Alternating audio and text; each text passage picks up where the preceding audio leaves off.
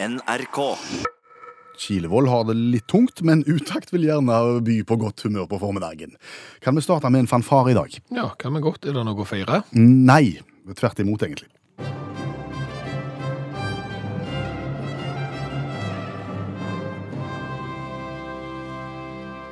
Bitte litt av Eurovisjonsfinalen på trass, egentlig. eh, For å markere at Eurovisjonen ikke har hørt på utakt i år heller. At de ansvarlige for Melodi Grand Prix ikke hører på utakt? Nei. Har iallfall ikke tatt til etterretning det vi har sagt i utakt i en årrekke. Så jeg vil gjerne bare få lov til å gjenta det nå igjen. Ok. Kan alle land som avgir stemme i fjernsynsprogrammet, slutte med å starte stemmegivningen med å takke for et fantastisk program, takke for fantastiske programledere, skryte av kjolen og takke for at de får lov å være med på en sånn en begivenhet? Å, herre min natt. Det tar sånn tid. Om det tar tid? Og hvor mange land er det som skal avgi poeng? 43. 43, ja. 43. Og hvor mange av de 43 sier 'thank you for a wonderful show', 'oh, you have the nicest dress', 'this is the best'? Alle sammen. Alle! Ja.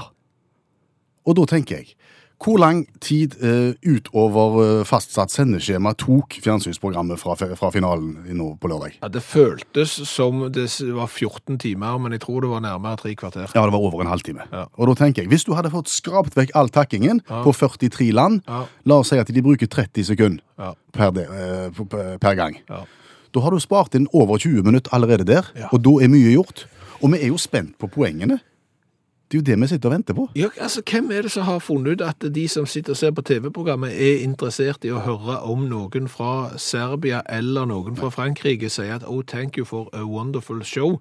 Det er som hver eneste gang vi skrudde på utakt, så skulle jeg si Tusen takk for et flott program du lager, Per Øystein. Og den T-skjorta du har på deg i dag, den lyseblå American Eagle-trøya, den satt så et eh, skudd. Hæ? Jon Olasand, Ja. Du er jo sjefen for dette her, og du er norsk. Det er du som sitter oppå vingen og sier 'take it away' Mhm. når, når ting skal begynne. Kan du være så snill og ta dette inn til de andre voksne, Ja. og så får vi en slutt på det? ja. Han bor i Genéve, da. Bor han i Genéve? Han bor i Genève, ja. Ja, men de tar en uttakt i Genéve. Det er jeg helt sikker på. OK, må ta det på fransk, da.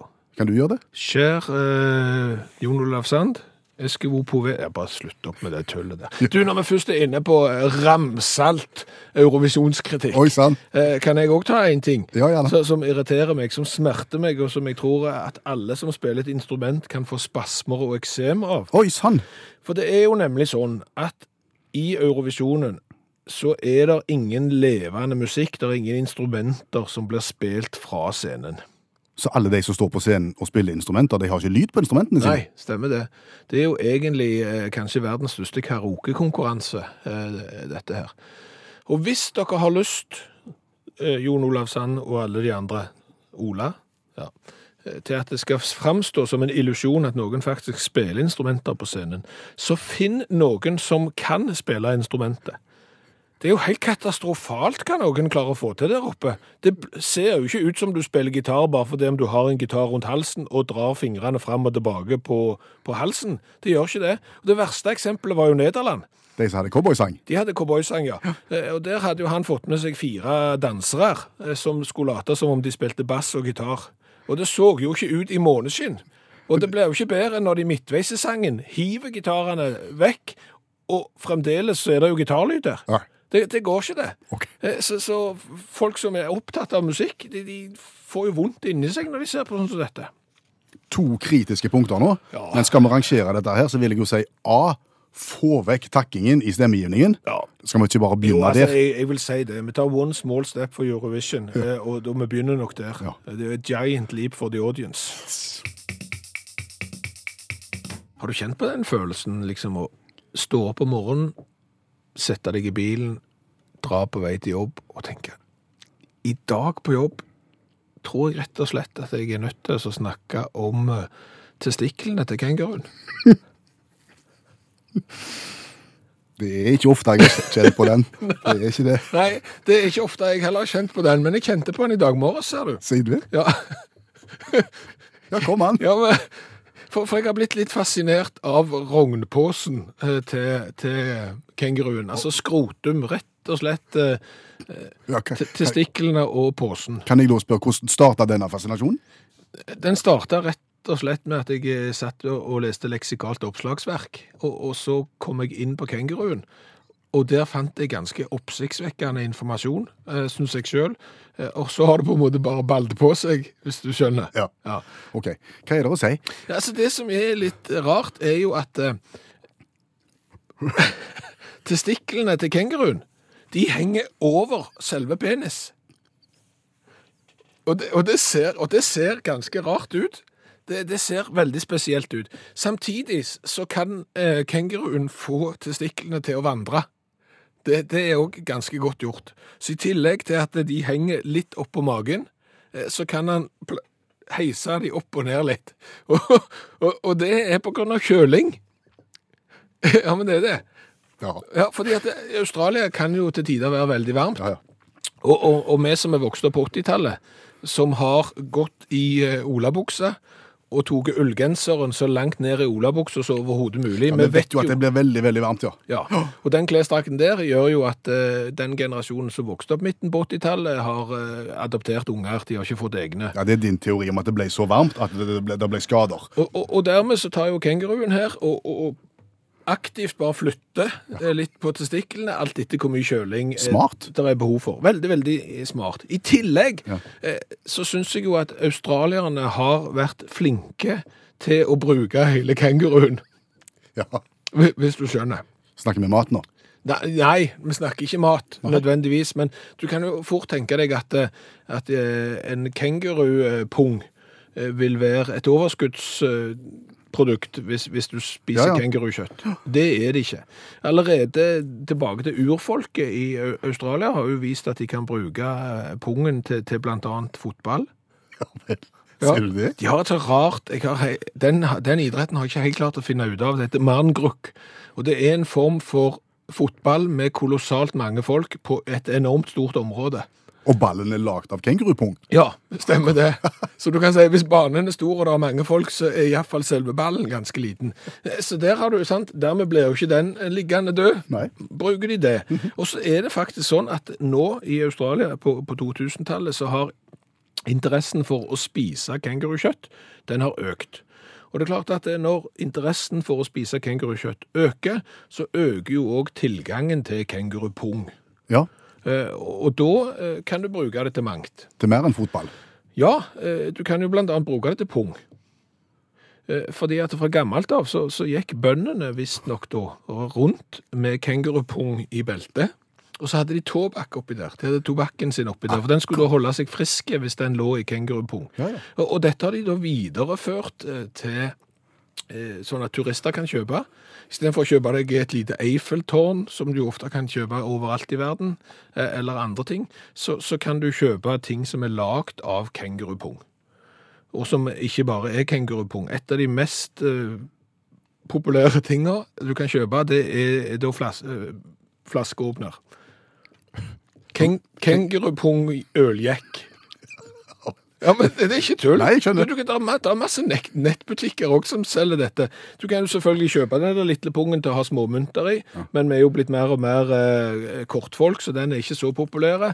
Du har jo nøkkelringen. Har du vinåpneren? har du òg. Den skulle du sett bilde av.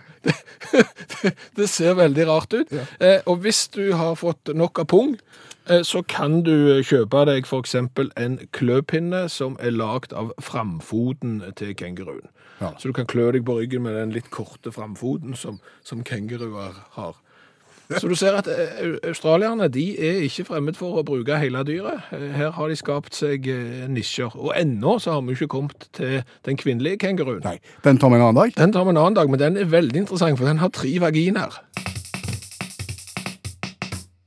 Du, På lørdag så ble de kåra de aller smarteste tiendeklassingene i Norge. Ja, klassequizen gikk av stabelen på NRK1, og Tastaveden skole i Stavanger gikk av med seieren. Den skolen der allmennlærer med to vekttall i musikk, Olav Hove, jobber. Stemmer. Ja. Du som er vår faste mandagsgjest, hva føler du nå? Det er jo ikke uventa, men vi er lykkelige likevel. Hvor mye har du hatt å gjøre med disse de aller smarteste tiendeklassene i Norge? Hvor stor del av æren tar du? Jeg vil si 100 100% Ja, iallfall. Hva for noen fag har du hatt i? Eh, kunst og håndverk. og følge, lag, grunnlag da, altså. De, de var ikke de samme etter jeg var ferdig med, de, med, med maling og tegning og slikt. Gratulerer så mye som, som, som foresatt til de smarteste tiendeklassene i verden. Men, men samtidig, eh, med dette i bakhovet, denne seieren i bakhovet, så kommer du inn i studio til oss, og så er du irritert. Men ikke, ikke på det. Nei, nei, nei, litt forbanna i dag, fordi jeg har lest en rapport i helga om, eh, om framtiden. Eh, For det skal lages ny nasjonal transportplan, og da må en spå om framtiden. Og fire norske analyseselskap har lagd en rapport og brukt avanserte analyser og kommet fram til at når det gjelder framtiden og samferdselsmessig, så i 2050 så veit vi ikke. Brukt masse tid og penger på å ikke finne ut, hvorfor, finne ut ingenting. Eneste vi vet, er at ingenting er sikkert. Jeg kunne gjort det mye billigere. Ja, og det er ganske dyrt å bygge vei. Og jeg tenker, du, hvis du må ha en spådom for å bygge vei, så kan du jo spørre folk og, og dyr som har mye billigere analyseredskap. Sa du dyr? Ja, jeg kommer til det. Men vi kan begynne med Du kan, du kan ta kontakt med Jemina Packington fra England. Hva er det med hun? Hun har mye billigere analyseredskap. Hun bruker asparges. Hun kan se framtida i en asparges. Ja, Hun kan, hun tar en klase asparges, kaster opp i lufta og leser framtiden ut fra det. Um, kan ikke bruke selleri, f.eks., for, eksempel, for de har ikke samme jordslige evne. De kan ikke fange opp vibrasjonene. Det er òg prøvd med purre, men det går ikke. Poenget er ja, vi kan le, men poenget er at hun treffer stort sett. Og da kan hun helt sikkert si noe om samferdselsutviklingen i Norge òg, tenker jeg da. Kaster det opp i lufta, og så leser hun ut ifra det. Har hun var en av de første som sa at det kom til å bli brexit. Okay. Hun, I år så har hun sagt at han, prins Harry kom til å komme med en viktig annonsering. Noe som han gjorde. Han skal gifte seg, skal ikke han det? Hun forutså flommene i England og slike ting. Og så er hun ganske kul, for hun er helt sånn Ja, jeg kan det bare. Jeg, hun gjør seg ikke noe mer enn hun er. eh, Og da fikser det bare, da. Hun har òg sagt at mange land kommer til å følge etter England når de går ut og EU. Eh, Det stemmer jo ikke, men da brukte hun utenlandsk eh, asparges. Og de er ikke så tydelige. Hun må bruke sånn Worcestershire eh, asparges, som kommer fra Whale of Eversham, eh, for de er mest presise. Og det er no, på den engelske aspargesfestivalen, som går fra 21. april til 21. juni. Tilfeldigvis den sesongen det er, denne aspargesen spirer, da er hun òg på det individuelle planen. Hun spår folk da oppimot 50 til dagen. Så kommer de igjen år etter år fordi at hun er så eh, presis i det hun sier. Så eh, Jemina Packington kan de ringe. Hun eh, spår brexit og slike ting. Og apropos brexit, det var flere som spådde og blant annet Boots. Boots. Boots geit, Apoteket. geit. Geita Boots forutså brexit. eh, Og masse andre ting òg. Fra Jedburg i, i Roxburghshire i England. Uhyre populær geit med strikkehue. Eh, hadde hundrevis av korrekte spådommer eh, mellom 2014 og 2017. Fikk en infeksjon i 2017 og døde dessverre. Men Den, den så jeg ikke komme. Nei, han hadde ikke spådd det. Eh, men denne helga her, da, i forbindelse med 450-årsjubileet for slaget ved Langside i Glasgow, så kom det en arvtaker til, til Boots, nemlig Billy Bowler, den klarsynte geita. Eh, Stilte opp. Og Nå har jeg ikke noen rapporter på hvordan det gikk, men folk var enormt spente. Hvordan det gikk med Billy Bowler, om han var på en måte på høgde med Boots. da. Jeg skal komme tilbake til rapportene, men det jeg vet om Billy Bowler, er at han uten problem helt gratis kunne spådd om at om framtiden vet vi ingenting.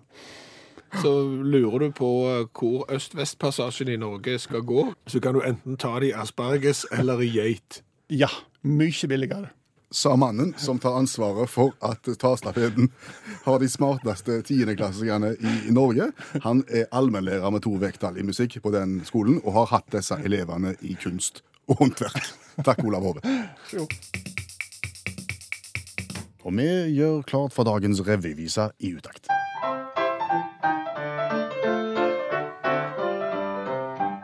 Der vi kommenterer en aktuell nyhetssak eh, ved hjelp av ei revyvise på 28 sekunder. Ja, Din tur i dag? ja stemmer det. Og, og det er jo et vell av muligheter når du skal lage revyvise. Eh, Det var jo nærliggende å gå i lokalområdet vårt og lage en sang om eh, kalven som skapte kaos under sykkelritt i Sandnes. En kalv som gikk bokstavelig talt litt bananas i skolegården i startområdet og skada en av deltakerne. Det, det var en potensiell eh, revyvise. Det ble ikke den? Nei, det ble ikke den. Eh, ellers så så jeg jo litt på England. De, der er det en sak om at du nå kan bli profesjonell brudesvenn eller brudepike. Jaha. Fins det ikke nok av det i familien til folk? For i USA og England annet, så er det ikke sånn som i Norge at eh, brudepiker og brudesvenn er en eller annen liten eh, meter høy Skjønnes. Skjønnes, ja. Eh, Det er ofte voksne. Så du velger eksempel gjerne en fem-seks brudesvenner, og så tar du en av de til forlover. Å ja.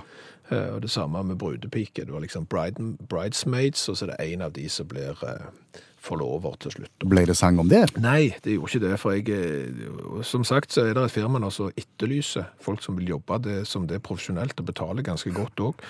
Jeg begynte på er du høy, mørk og vakker og hyppen på en jobb, og så kom jeg ikke lenger eh, før jeg fant eh, saken om Neverland. Om Neverland. Eiendommen til Michael Jackson? Nei, eh, Neverland, aldri land heter han vel oversatt til norsk, som er stedet der Peter Pan bor, Ja. Eh, og som kom i J.M. Barrys bok og i Disney-film fra 1953. For nå har filmteoretikere, nå har de funnet ut hvor denne øya Neverland er. Er ikke det bare et eventyrsted? Jo, det trodde jo jeg òg, men disse filmteoretikerne har jo da studert boka til Barry. De har studert Disney-filmen fra 1953. Eh, De har sett på bilder når eh, Peter og Wendy og resten av eh, flokken flyr ut av London. De har funnet ut hva retning de flyr i, ut ifra kjente landemerker i London. De har sett ok, de tar til høyre ved den andre stjerna og fortsetter sånn og sånn. Og da havner de på Turneff-atollet. Turneff-atollet. Ja. Hvor er den? Det, det ligger rett ut av Belize. Belize Navitat. Belize, ne- nei. Belize ut av Mexico? Ja. Så, så hvis du ser verden nedenfra, ifra, så litt til høyre for Belize ut av kysten der, eh, finner du da eh, dette atollet, som nå filmteoretikere har funnet ut er Neverland. Ok. Og grunnen til at jeg må ta opp dette i dag, er at det er ikke mer enn ti år veien her. Til hva? Eh, Belize, plassen da som eier dette atollet, har jo nå sett uh, turistverdigheten i dette stedet. Oh. Og de har utlyst en konkurranse som er nemlig sånn at hvis du heter Peter eller Wendy, og kan finne deg en kompis som heter Peter eller Wendy, sånn at du kan reise som et Peter og Wendy-par, Ja. eh, så kan du få et gratis opphold på fem dager på dette atollet på Belize sin regning. Du må ikke ha med deg en som har krok i stedet for hånd. og en krokodille. Og tingeling. Nei. du, må, du må ikke det. Du må være Peter og Wendy. Ja. Klarer du å sale Peter og Wendy og, og sende en søknad til belizeneverland.gmail.com? Det må skje i dag, ser du. Ja, det er 14. mai så er fristen. Og derfor så skal du, heter du Peter eller Wendy, så vær med på det. Du kan vinne fem dagers tur til dette atollet. Og her er sangen om det hele. Ja.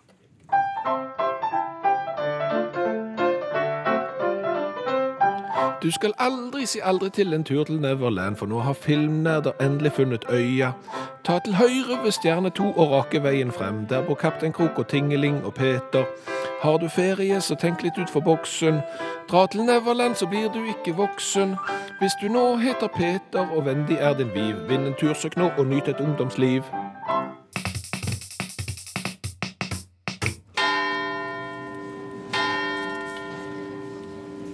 Kjære menighet.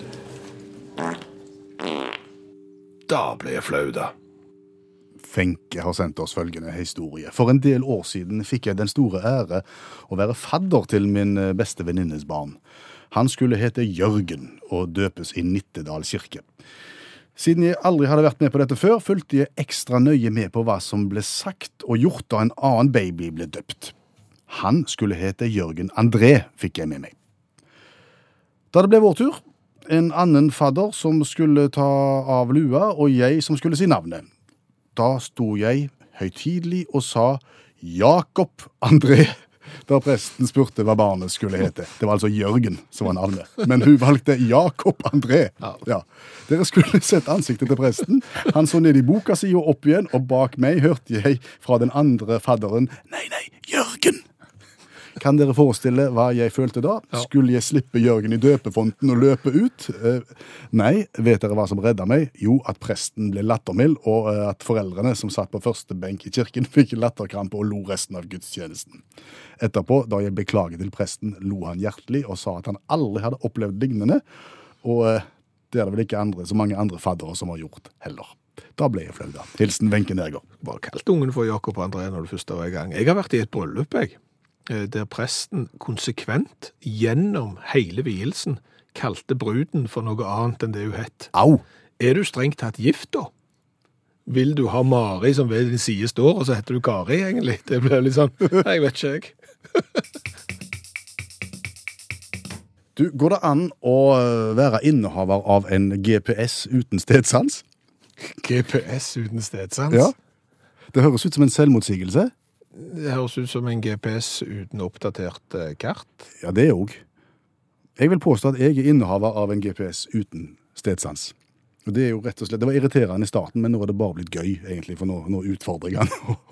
Og han viser gang på gang at han ikke har stedsans. Er det en sånn en løs GPS som du har kjøpt i en elektrobutikk, Nei. og som du klistrer i vinduet? Nei, dette er en som er en del av konsollet i bilen. Eh, Jeg, husker jo at bilselgeren i sin tid sa at når jeg skulle velge sånn, sånn ekstrapakker i bilen, hva jeg, hva jeg ville ha, skinnseter og GPS og alt sånt, det kosta en del mer, men eh, han anbefalte den. Skinnsetene er topp. Eh, GPS-en, han, skal jeg være helt ærlig med deg, den er ingenting å ha på, men, men det er ikke den du betaler for allikevel. GPS. Ja, men Hvordan arter en GPS seg uten stedsans? Den arter seg sånn at når du for eksempel skal hjem fra hytta, Ja, så jeg vet nøyaktig hvor langt det er å kjøre fra Sørlandet og hjem. ja men ja, bare, jeg kan få lov å arrestere deg allerede her. Hvor mange ganger har du liksom kjørt til hytta? Du vet jo veien. Du trenger ikke å ha på GPS-en for å finne den. Nei, men det er jo for å ha det litt gøy med han, da. For, Ok. for å se hva han finner på i dag. Ja. Jeg vet at det tar nøyaktig tre timer å kjøre den ruta der. Det har jeg gjort hundrevis av ganger. Så jeg stiller inn hjem på GPS-en, og hver gang så sier han det vil ta tre timer og 47 minutter. Ja, Men da er gjerne kø, da. Nei. Nei, For det er alltid, det er alltid tre timer og 47 minutter. Uansett om det er påske eller en uansett. torsdag, liksom, uten utfart. Ja. OK. Så begynner jeg å kjøre, og så passerer jeg noe vann og noe innkjøp på høyre, og da ser jeg på kartet på GPS-en. De er ikke med. Nei. Nei. Og de vannene der er ikke nye. OK. Nei. De har vært der siden prekambrium, vil jeg tro. OK, jeg vet ikke hva tid det er. Men Det er lenge, lenge, lenge siden. Rett etter kritt? Ja, mellom kritt og jura. OK. Og der vil du ikke være. Nei. Og så fortsetter det. Så fortsetter det, så kjører jeg hjemover. Ja. Og han holder pass på du jeg kommer ikke til å være hjemme før om 3 timer og 47 minutter. Nei. Så etter hvert så sier han OK, da. 3 timer og 30. OK, så han modererer seg. Litt grann. Og så 3 timer og 20 kanskje, hvis du står på litt. Og når jeg er nesten hjemme, når jeg har bare kilometer igjen, så sier han nå er du hjemme om 10 minutter. Ja. Og så kommer jeg jo hjem da, på nøyaktig tre timer. Og da tenker jeg, bør han ikke huske det på et eller annet vis til neste gang, eller kjenne igjen ruta, eller noe som helst? Nei, Det er jo så mye galskap med de der GPS-ene. Du har utenlandske eh, trailersjåfører som skriver inn ett stedsnavn, og så finnes det stedsnavnet tusen plasser i Norge. Plutselig er de på en eh, skogsvei uten eh, evne til å, å snu og, og må bæres ut, eh, bokstavelig talt. GPS-en som jeg har hatt i bil, det er jo også sånn fabrikkmontert. De kartene ble jo oppdatert ca. én gang hvert 20. år. Sånn at om du husker rv. riksvei 44 Jeg husker mye fra rv. 44. Den ble jo eh, oppgradert, og, det ble, ble laget en ny stubb av den i Rogaland for ca. ti år siden. Ja, eller? iallfall det. Mm. og fremdeles så er det jo den GPS-en som jeg har kjørt på av og til, den er jo midt ute i en åger der. Så det tar jo litt tid å få det på plass. Eh, Og E39 over noe som heter Fedafjorden, der kjører du jo òg fremdeles midt i løse lufta over fjorden. For jeg har ikke funnet at det er en ny E39, som vel òg er ti år siden ble bygd, så det er mye mirakels der. Det fins GPS-er uten stedsans. Ja. Rett og slett. Burde en tenkt orienteringer og gått for, for, eh, for tradisjonelt kart? Ja, det, det, er bringer oss inn på den neste problemstillingen her. Eh, Den gamle måten å gjøre det på, nemlig kartbok. Når du kjørte fra Norge til Europa og skulle gjennom Hamburg og skulle kjøre av der og der med kartbok, bare mirakels. Men Du, du er jo en eh, av orienteringsslekt. ja, jeg er jo tredje generasjons orienteringsløper, Ja. bortsett fra at jeg ikke er det. Men det bringer oss jo inn på historien om når far min skulle ha med min sønn til Danmark på orienteringsferie, eh, og som avveksling en dag så skulle de til Forup Sommerland. Ja, og da valgte selvfølgelig orienteringsentusiasten å kjøre på kart. Stemmer det. GPS er jo ikke noe å stole på. Stemmer det. det. Kart har alltid vist seg å, å være best. Det som er viktig i denne historien her, er at fra Hirsals til Forup Sommerland så er det veldig kort. Ja. Eh, Fra Hirsals til Forup, stedet der det bare er jordbæråkrer i Danmark, det er veldig langt. Skal vi høre når sønnen din fortalte om det som skjedde? Mm. Da skulle vi til Fårup, men så kjørte bestefar seg vill. Bestefar seg vil. Ja, han, han sa at vi heller skulle følge kart enn GPS-en. Og det bestefar som har invitert deg på orienteringsferie i Danmark. Ja, altså Det er bra å følge GPS-en, for den har alltid rett. Du må ha lykke til på orientering i dag, og så får du lese kartet sjøl, og ikke la bestefar lese kartet. Ja, Ha det. ha det. Ja, for da er det et Fårup jordbærland òg, og ikke bare et eh, Fårup sommerland. Og det var en lang, lang biltur. Dette til orientering.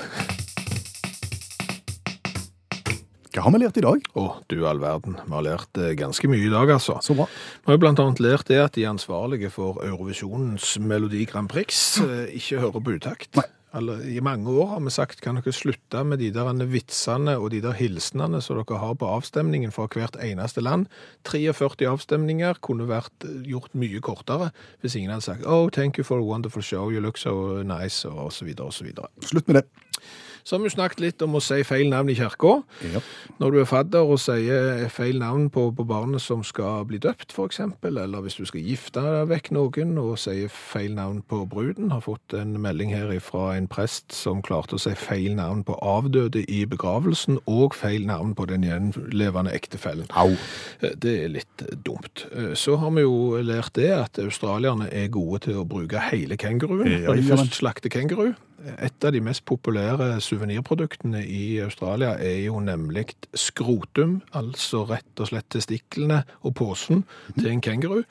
Kan bli til vinåpner. Kan bli til vinåpner, eller som Helge Didriksen har lagt ut bilder på Facebook-sida til Utakt, nemlig en øljekk eller brusåpner, en skrotumåpner. Så hvis du vil se den, så går du inn der. Da kan du òg se bilde av sønnen til Alf Einar. Hva er det med sønnen til Alf Einar? Eh, Et tema vi har gjort, snakket om tidligere, det er jo konfirmasjonsdress. Ja. Hvorfor gifter du deg i mor din sin brudekjole, men du konfirmerer deg ikke i faren din sin dress? Sønnen til Johan har gjort det? Ja, sønnen til Alf Einar, Hvilken han har brukt komfdressen til Alf Einar, som er en dress fra 1977. Søk opp Utakt på Facebook og bli med i gruppa vår. Ja, Så har vi lært at det er ei dame i England som kan spå framtiden i asparges. Ja, jamen. Så har vi lært at Neverland, eh, boka til J.M. Barry, Peter Pan, nå fins. Den ligger ut forbi kysten av Belize. Og til slutt så har jeg lært det at Irene har fått vertinnegave. Hun har fått vertinnegave. Ja. Eh, hun fikk da en venusfluefanger. En? Det er en kjøttetende plante. Og hva signal sender du da når du kommer med vertinnegave som er en venusfluefanger, en kjøttetende plante? Jeg er ikke sikker. Hør flere podkaster på nrk.no podkast.